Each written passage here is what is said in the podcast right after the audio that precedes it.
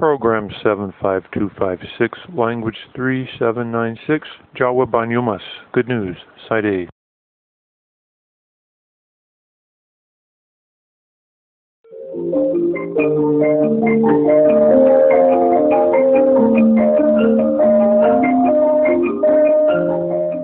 Para sederek, napa buku gambar sampun wonten ngajeng sampeyan?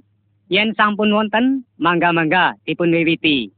Kula nyuwun supados dipun enget-enget yen mireng suarane gamelan. Buku gambar niki panjenengan balik. Lajeng dipun tingali saking kaca setunggal dateng kaca setunggalipun. Ngaturaken sugeng sarana mirsani gambar lan mirengaken penjelasan-penjelasanipun. Gambar nomor setunggal sederengipun kawiwitan jagat. Saking mula bukanipun boten wonten menungsa, lintang-lintang, segara, kewan-kewan, wit-witan, srengenge lan sanes-sanesipun. Kahanan peteng lan boten teratur. Ing wekdal niku ingkang wonten namung Allah. Gambar niki nuduhaken yen Allah ndadosaken sedaya ingkang wonten ing jagat kadosta srengenge wulan gunung-gunung lan sanes-sanesipun. Gambar nomor kali Allah paring dawuh. Buku niki sing diwastani kitab suci. Saking kitab suci Allah paring dawuh dateng kita. Lan ugi njelasaken ngengingi Gusti Allah lan dawuh-dawuh pangandikanipun. Allah tresna dateng menungsa, kitab suci nuduhaken kados pundi menungsa niku saged nggadahi kawilujengan. Gambar nomor 3. Dadosipun jagat. Gusti Allah ndadosaken sedaya wit-witan lan sato kewan. Sedaya ingkang dipun dadosaken kala wau ndadosaken reseping paningal. Gusti Allah paring kuwaos dateng menungsa kangge ngereh dateng sedaya ingkang sampun kadadosaken kala wau. Gusti Allah ngresakaken supados sedaya sami gesang rukun lan tentrem. Gambar nomor sekawan Adam lan Hawa Menungsa ingkang riyin dipunameni Adam dene ingkang Sri dipunameni Hawa Adam kalian Hawa gesang sesarengan kanthi tentrem ayem wonten ing Taman Eden utawi Firdaus. Pangandikane Gusti Allah, kabeh wit-witan sing ana ing pataman iki kena dipangan we sakarepmu. Nanging woe wit kawruh sing becik lan ala aja pangan sebab yen dipangan kowe mesti mati. Nanging setan jeglong lan goda Adam lan Hawa. Banjur Adam lan Hawa mangan woh sing dilarang mau. Adam lan Hawa wis nglanggar dawe Gusti Allah. Adam lan Hawa wis ora gugu dawe Gusti Allah. Mulane Adam lan Hawa wis nglakoni dosa. Wonten gambar B, Adam lan Hawa dipun usir Gusti Allah saking Taman Eden utawi Firdaus. Gandeng sampun nglampahi dosa. Lajeng Allah paring paukuman dateng Adam lan Hawa. Antawisipun pedos, susah, sakit, pecah lan sanes-sanesipun. Nanging Gusti Allah taksih tresna dateng menungsa. Allah nggadahi janji badhe ngutus juru wilujeng ingkang saged nebus lan ngicalaken dosa kala wau. Gambar nomor gangsal. Kain lan Abel. Tulung, aduh. Kawus kowe mati rasakna. Tiang ingkang bekta pentung niku namine Kain. Kain niku putrane Adam. Kain niku sengit sanget kalian Abel sederekipun jaler. Kain lajeng mentung Abel sederekipun ngantos tumugining pecah. Awit menika kain sampun nglampahi dosa. Adam lan Hawa ugi sampun nglampahi dosa. sedaya tiang tedhak turunipun Adam sampun nggadahi bibit dosa. Mila kula sampean lan sedaya tiang ingkang wonten ing jagat niki sampun nggadahi dosa. Gambar nomor 6. Praunipun Nuh. Dene sedaya tiang tedhak turunipun Adam dangu-dangu tansah nambahi anggenipun tumindak awon. Mila Gusti Allah badhe paring paukuman dhateng sedaya tiang ingkang nindakaken awon kala wau. Nanging wonten salah setunggaling tiang ingkang ngabekti lan taat dhateng Gusti Allah lan tansah nglampahaken sedaya dawuhipun Gusti Allah. Dene tiang wau naminipun Nuh. Gusti Allah maringi dawuh dhateng Nuh supados damel prau. Sesampunipun prau niku dados lajeng Nuh sekeluarga mlebet dhateng prau. Nuh ugi ngajak tiang sanes yen Gusti Allah badhe paring paukuman dhateng tiang-tiang wau. Nanging tiang-tiang kala wau boten sami pitados. Gambar nomor pitu banjir patopan.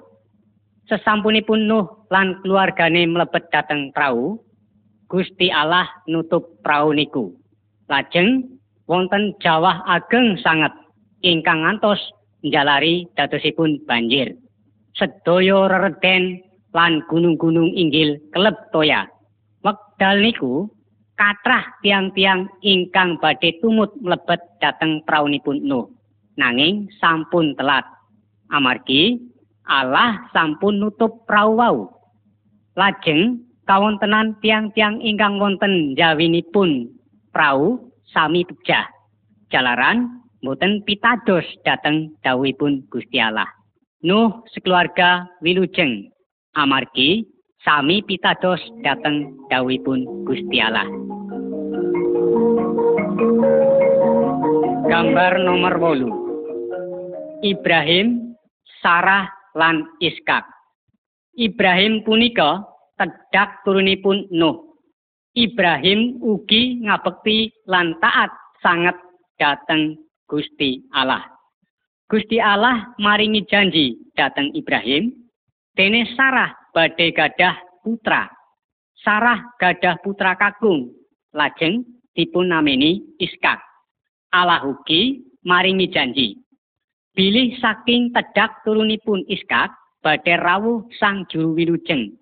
Ingkang saged nebus dosanipun menungsa.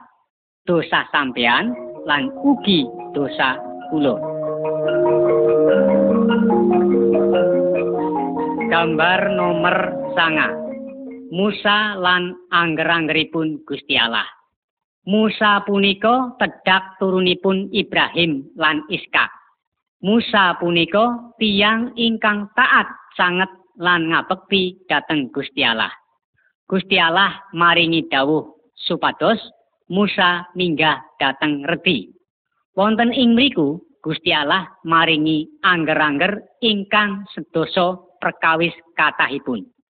Wonten gambar punika ketingal Musa ingkang nembe mandap saking Redi.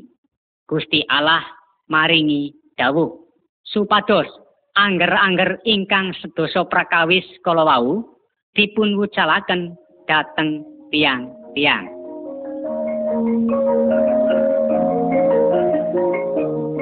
Gambar nomor sedasa. Angger-angger sedasa prakawis.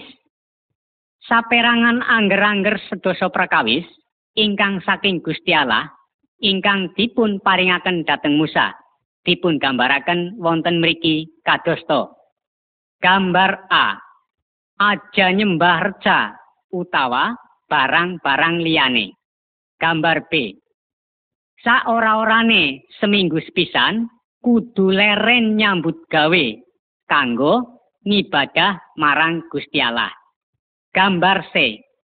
Para putra kudu ngabekti marang wong tuane. Gambar D. aja pada mateni sapadane. Gambar E. Aja pada laku bedang duwe melik marang bojone wong liyan. Gambar F. Aja colong jupuk utawa maling, goroh lan sanes-sanesipun. Gambar nomor 11. Korban penebusan dosa. Wekdal zaman Ibrahim lan Musa menawi wonten tiang ingkang nglampahi dosa, tiang kalawau saged nyembelih wedhus minangka kangge penebusan dosanipun. Nanging saniki sampun boten perlu malih yen penebusan dosa wau mawi ngangge sembelian wedhus. Jalaran Gusti Allah sampun ngutus putranipun kangge nulungi kita. Nggih niku Yesus Kristus. Yesus Kristus sampun seda dipun salib minangka kangge penebusan dosa-dosa kita. Sesampunipun seda dipun salib, lajeng dipun kubur. Nanging tigang dinten gesang malih. Mila yen panjenengan ngrumaosi tiang ingkang gadah dosa, lajeng manah sampeyan pitados dhateng Gusti Yesus lan ngangkeni sedaya dosa-dosa sampeyan dhateng Gusti Yesus sampeyan badhe dipun paringi pangapura sedaya dosa-dosa kala Gambar nomor 12 Malaikat lan Maryam Napa sampeyan taksih kengetan dhateng critanipun Adam lan Hawa. Adam lan Hawa sampun nglampahi dosa. Lajeng dipun urak saking Taman Eden utawi Firdaus. Rikala semanten Gusti Allah maringi janji yen badhe ngutus juru wilujeng ingkang saged ngicalaken sedaya dosa-dosa menungsa. Mboten antawis dangu ing salah sawijining dinten wonten salah setunggaling prawan ingkang nami Maryam. Malaikat kalawau ngendika, Yen roh suci badhe njalari Maryam peputra. Dene putrane kalawau badhe mbabar kakung. Lan putra kalawau nggih niku juru wilujeng ingkang sampun kajanjekaken dening Gusti Allah. Putra kalawau kedah dipunameni Yesus. Milo, namung Yesus ingkang saged ngicalaken sedaya dosa-dosa menungsa. Lajeng malaikat kalawau paring pangertosan dhateng Yusuf tonanganipun Maryam wonten ing pangimpen.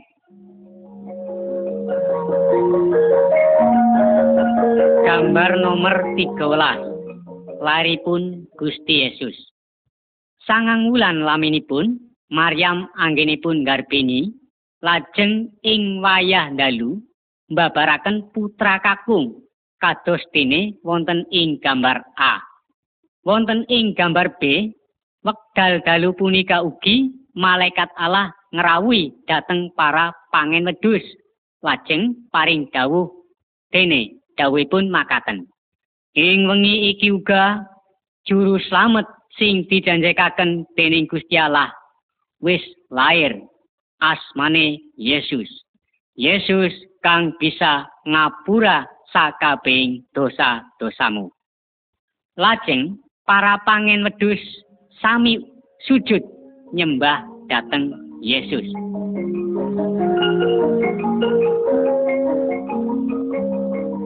Gambar nomor kawan las. Yesus putrane menungsa. Wonten gambar niku kita saged mangertosi kawontenanipun Gusti Yesus nalika taksi alit. Nalika yuswanipun nembe kaliwelas taun, sampun saged ngendikan ngengingi Gusti Allah dateng para ulama agami. Yesus mangertosi sedaya prakawis.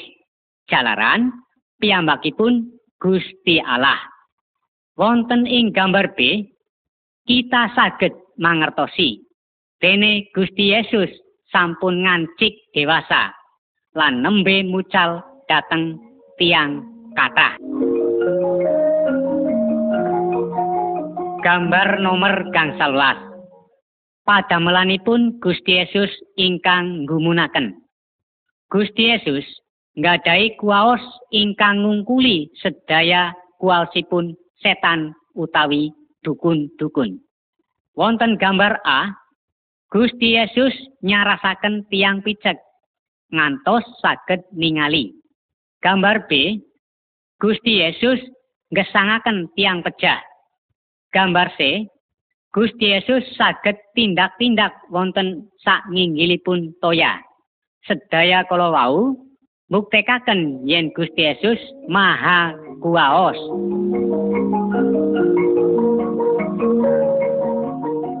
Gambar nomor 16. Yesus kasangsarakaken. Gusti Yesus tansah tumindak sae ngantos mboten nggadahi dosa.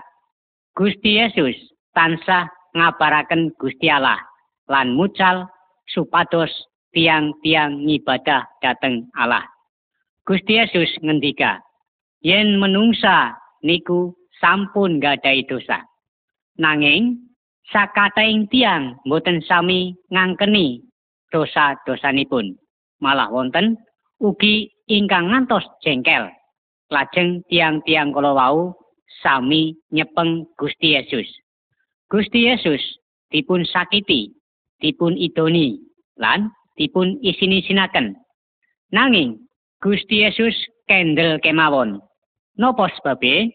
Sebabipun nggih menika Gusti Yesus maringaken raganipun kasengsarakaken lan dipun sakiti namung satunggaling maksud niniku kangge nanggel dosa-dosanipun menungsa dosa kula lan dosa sampean gambar nomor pitulas. Yesus dipun salib. Gusti Yesus boten namung kasengsarakaken kemawon nanging Gusti Yesus dipun paku wonten ing kayu salib. Ananging Gusti Allah Sang Rama sampun nglilani dene sedaya kedadosan kala wau minangka kangge korbanipun dosa-dosa kita. Gusti Yesus sampun nglampahi paukuman amargi dosa-dosa kita. Dosa-dosa sampean lan dosa-dosa kula. Panjenenganipun ngantos dumugining pejah. Mila yen kita purun ngangkeni dosa-dosa kita lan ngrumaosi yen kita tiang dosa, lajeng pitados dhateng Gusti Yesus, dosa-dosa kita badhe dipun pangapurani. Menapa para sederek purun pitados dhateng Gusti Yesus. Gambar nomor 18. Gusti Yesus wungu saking sedanipun. Sesampunipun Gusti Yesus sedo dipun salib, lajeng para muridipun nyarehaken wonten ing pasarean ingkang wujudipun gua wonten ing Redisela. Lajeng lawangipun gua dipun tutup kalian watu ageng. Tigang dinten laminipun, Maryam lan kanca-kancanipun dateng perlu badhe nuweni kuburan. Nanging Gusti Yesus boten wonten. Ingkang wonten namung malaikat. Malaikat niku wau lajeng paring dawuh. Yesus wis wungu maning. Yesus wis urip maning. Ngantos sak niki Gusti Yesus taksi gesang wonten swarga lan boten badhe sedo malih. Mila yen kita pitados dhateng Gusti Yesus, panjenengane mriksani gesang panjenengan lan mirengaken donga-donga panjenengan. Gambar nomor 19. Thomas Sesampunipun Gusti Yesus wungu saking setanipun, kathah tiang ingkang sami semerep panjenenganipun lan sami mirengaken dawuh-dawuhipun Gusti Yesus. Thomas muridipun Yesus sanjang makaten. Sedurunge aku weruh tatune Gusti Yesus kang ana ing astane, aku ora percaya yen panjenengane urip maning. Gusti Yesus lajeng ngrawuhi Thomas lan nuduhaken tatu-tatu ingkang wonten ing astane lan sarirane. Gambar niku para sederek saged ningali. Thomas pitados pilih Gusti Yesus sampun wungu malih. Nanging Gusti Yesus ngersakaken supados kita sami pitados senajan kita mboten semerep piyambakipun.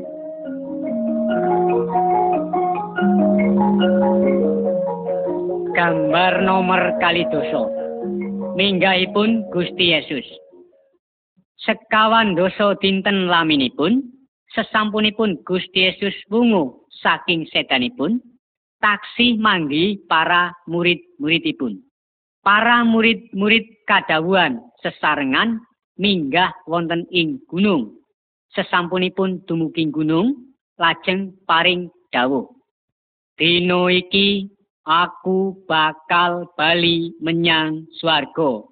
Lan sakwise aku lunga, kowe kabeh kudu nyritakaken marang sak kabehing menungsa. Yen aku wis disalib kanggo penebusan kabeh dosa-dosane menungsa. Sing sapa percaya marang aku, dosane bakal dilubari lan bakal bisa dadi siji karo aku ana ing swarga. Sesampunipun Gusti Yesus paring dawuh dhateng murid-muridipun, lajeng minggah dhateng swarga. Para muridipun saweg gumun anggenipun Gusti Yesus minggah dhateng swarga, dumadakan wonten malaikat kalih lajeng paring pangandikan mekaten.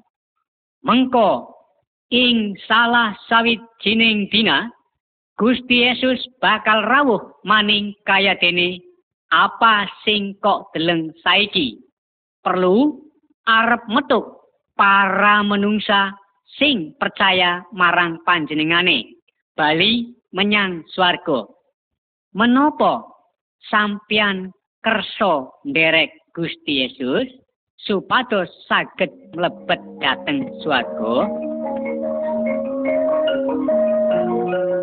gambar nomor selikur. Salib. Salib menika ngengetaken kita dateng katresnanipun Gusti Yesus. Gusti Yesus ingkang boten gadah dosa, nanging rila dipun rekaosaken lan sedo dipun salib. Jalaran kanthi makaten niku wau namung setunggaling maksud. Nggih niku supados saged nebus paukuman dosa-dosa kita, dosa-dosa sampean lan dosa kula. Sesampunipun Gusti Yesus sedo, lajeng wungu malih utawi gesang sakniki wonten ing swarga. Panjenenganipun saweg nenggo-nenggo sinten kemawon ingkang badhe nyuwun pitulungan lan pitados dhateng Gusti badhe pikantuk kawilujengan. para sederek yen kita ngangkeni dosa-dosa kita lan pitados dateng Gusti Yesus kita badhe dipun pangapurani lan saged gesang sesarengan kalian Gusti Allah wonten ing swarga.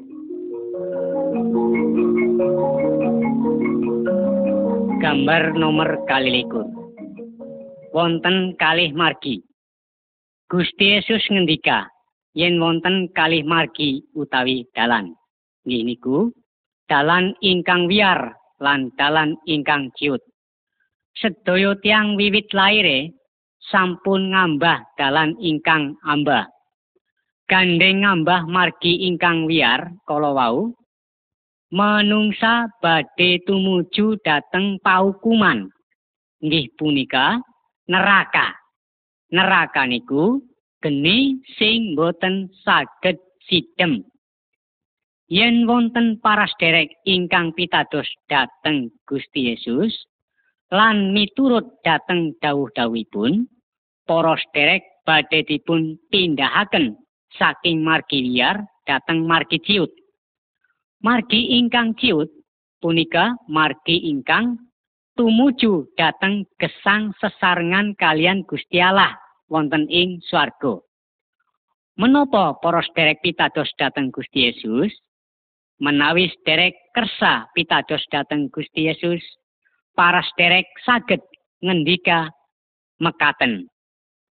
Gusti Yesus, kula pitados yen kula tiang dosa, kula pitados pilih Gusti Yesus sedo dipun salib kangge nanggel paukuman kula lan mugia kersa maringi pangapura dhateng kula lan ngrobah manah kula supados kula saged sesarengan kalian Gusti wonten ing swarga. Matur nuwun Gusti Yesus. Amin. Yen saestu-estu atur sampeyan dhateng Gusti Yesus ngantos dumugining batin, para sederek badhe dados putra nipun Allah lan Gusti Allah badhe dados bapakipun para sederek. Gambar nomor 23. Putra putranipun Gusti Allah. Yen kita pitados dhateng Gusti Yesus, sedo ingkang namung satunggaling maksud nggih niku kangge nanggel dosa-dosa kita kita badhe dipun pangapurani lan dosa-dosa kala wau boten badhe nguasani manah kula. Menawi dosa-dosa kita sampun dipun pangapurani, kita saged nyebut yen Gusti Allah Bapak kita. Lan kita dados putra putranipun Gusti Allah. Gusti Allah tresno dateng sedaya tiang saking sedaya bangsa lan saking sedaya suku. Wonten gambar niku, para sederek saged ningali yen Gusti Yesus saweg mapag sedaya tiang ingkang pitados dhateng panjenenganipun. Gusti Allah ngersakaken para sederek lan kula pitados dhateng Gusti Yesus supados dados putra putranipun Gusti Allah.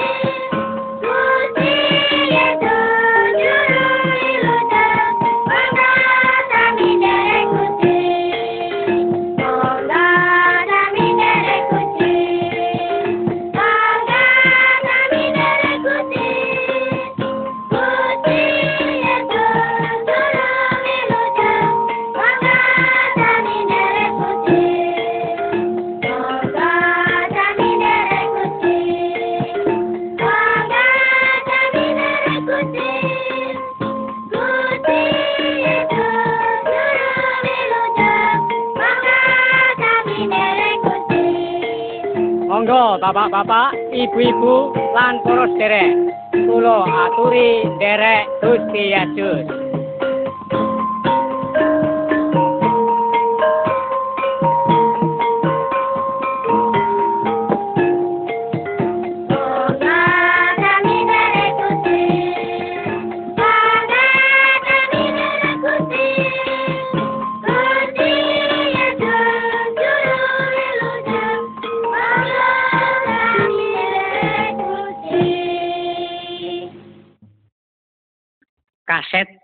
Kaset lajeng dipun walik kangge selajengipun.